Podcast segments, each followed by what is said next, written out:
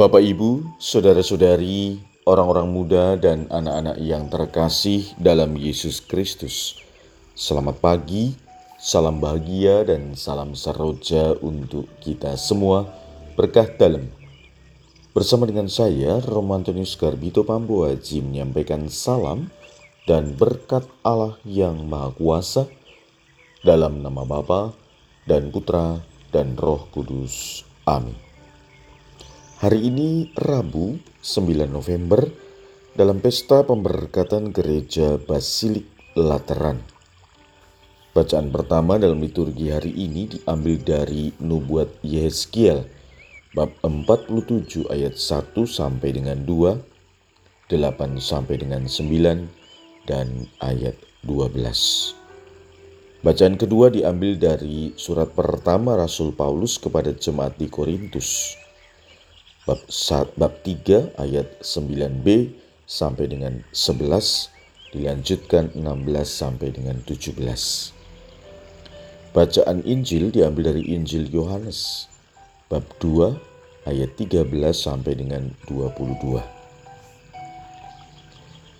Ketika sudah dekat hari raya Paskah orang Yahudi, Yesus berangkat ke Yerusalem. Dalam bait suci didapatinya pedagang-pedagang lembu, kambing domba, dan merpati, dan penukar-penukar uang duduk di situ. Maka Yesus membuat cambuk dari tali lalu mengusir mereka semua dari bait suci dengan semua kambing domba dan lembu mereka. Uang penukar-penukar dihamburkannya ke tanah, dan meja-meja mereka dibalikkannya. Kepada pedagang-pedagang merpati ia berkata, Ambil semua ini dari sini. Jangan kamu membuat rumah Bapakku menjadi tempat berjualan. Maka teringatlah murid-murid Yesus bahwa ada tertulis, Cinta untuk rumahmu menghanguskan aku. Tetapi orang-orang Yahudi menantang Yesus katanya, Tanda apakah dapat engkau tunjukkan kepada kami? bahwa engkau berhak bertindak demikian. Jawab Yesus kepada mereka, Rombaklah bait Allah ini dan dalam tiga hari aku akan mendirikannya kembali. Lalu kata orang Yahudi kepadanya, Empat puluh enam tahun orang mendirikan bait Allah ini dan engkau dapat membangunnya dalam tiga hari? Tetapi yang dimaksudkannya dengan bait Allah ialah tubuhnya sendiri. Sesudah Yesus bangkit dari antara orang mati, barulah teringat oleh murid-muridnya bahwa hal itu telah dikatakannya. Maka percayalah mereka akan kitab suci dan akan perkataan yang telah diucapkan Yesus. Demikianlah sabda Tuhan. Terpujilah Kristus. Bapak, Ibu, saudara-saudari yang terkasih, hari ini kita merayakan pesta pemberkatan gereja Basilik Lateran. Basilika Agung ini didirikan oleh Kaisar Konstantinus Agung, putra Santa Helena, tahun 324. Dalam konteks sejarah gereja Kristen, Basilika ini merupakan Basilika Agung yang pertama yang melambangkan kemerdekaan dan perdamaian dalam gereja setelah tiga abad lebih berada dalam kancah penghambatan dan penganiayaan Kaisar Romawi yang kafir. Gereja ini diberkati dengan upacara dan meriah oleh Paus Silvester pertama. Karena basilik itu merupakan gereja katedral untuk uskup Roma yang sekaligus adalah paus, maka basilik itu pun disebut sebagai induk semua gereja, baik di Roma maupun di seluruh dunia. Karena itu, Basilik Lateran merupakan gereja paroki bagi seluruh umat Katolik sedunia. Sekarang, Basilik itu disebut Gereja Santo Yohanes Lateran.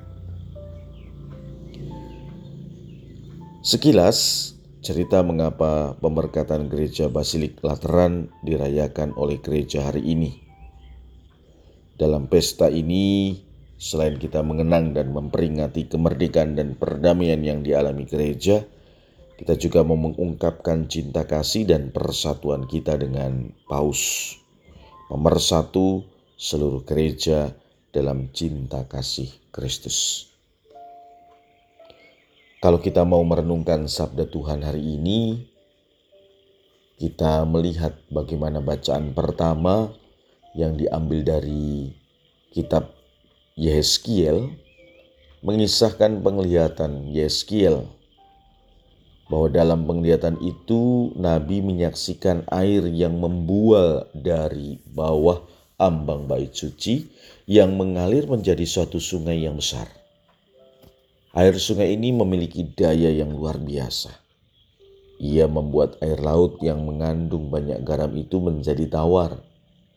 Ke mana saja sungai itu mengalir, segala makhluk yang berkeriapan di dalamnya menjadi hidup. Bahkan pada kedua tepi sungai itu tumbuh beragam pohon buah-buahan yang daunnya tak pernah layu dan buahnya tak pernah habis.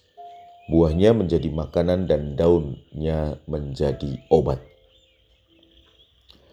Dalam bacaan kedua, Rasul Paulus menggambarkan jemaat sebagai bangunan Allah.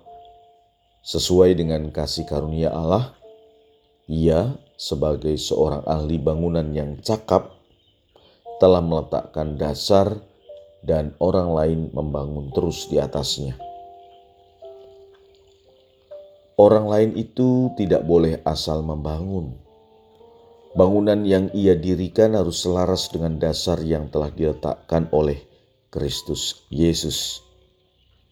Oleh karena itu, bangunan yang ia dirikan bukan asal bangunan, tetapi bait Allah sendiri. Ia mengatakan, "Kamu adalah bait Allah."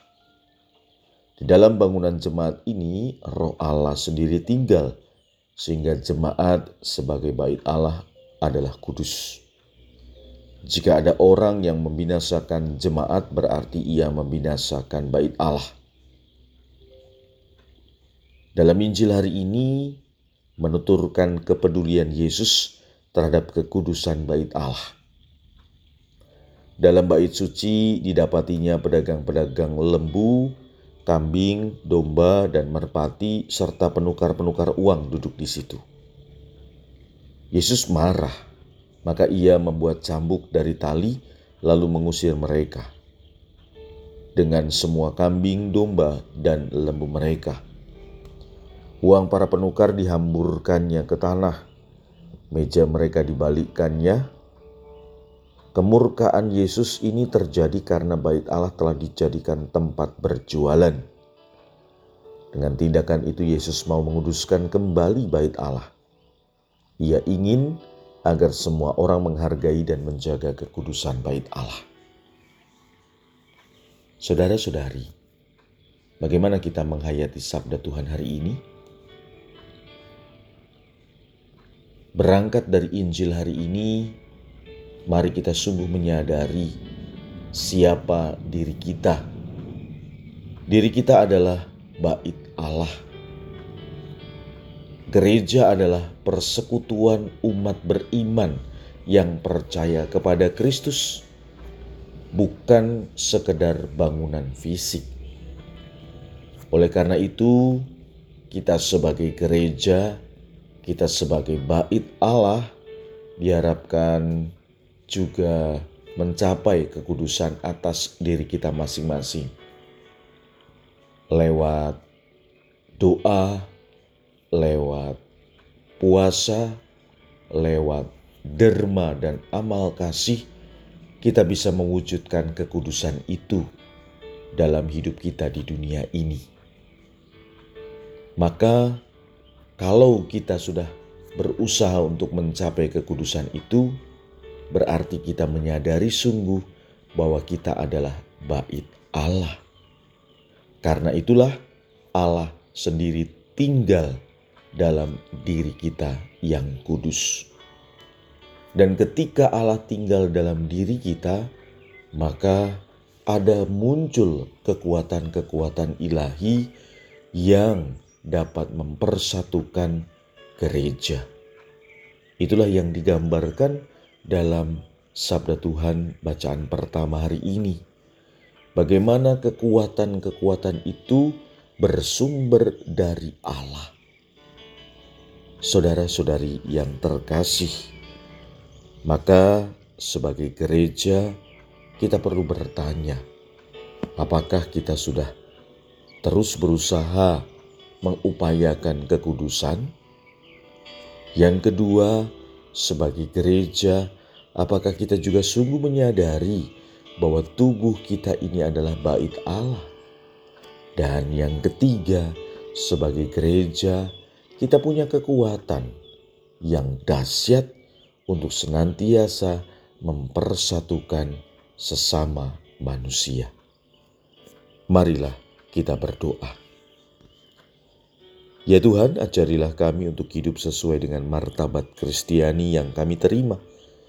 Curahkanlah kami dengan rohmu setiap saat, agar kami mampu mencerminkan Engkau sendiri yang hadir dalam perkataan dan tindakan kami. Berkat Allah yang Maha Kuasa, dalam nama Bapa dan Putra dan Roh Kudus. Amin.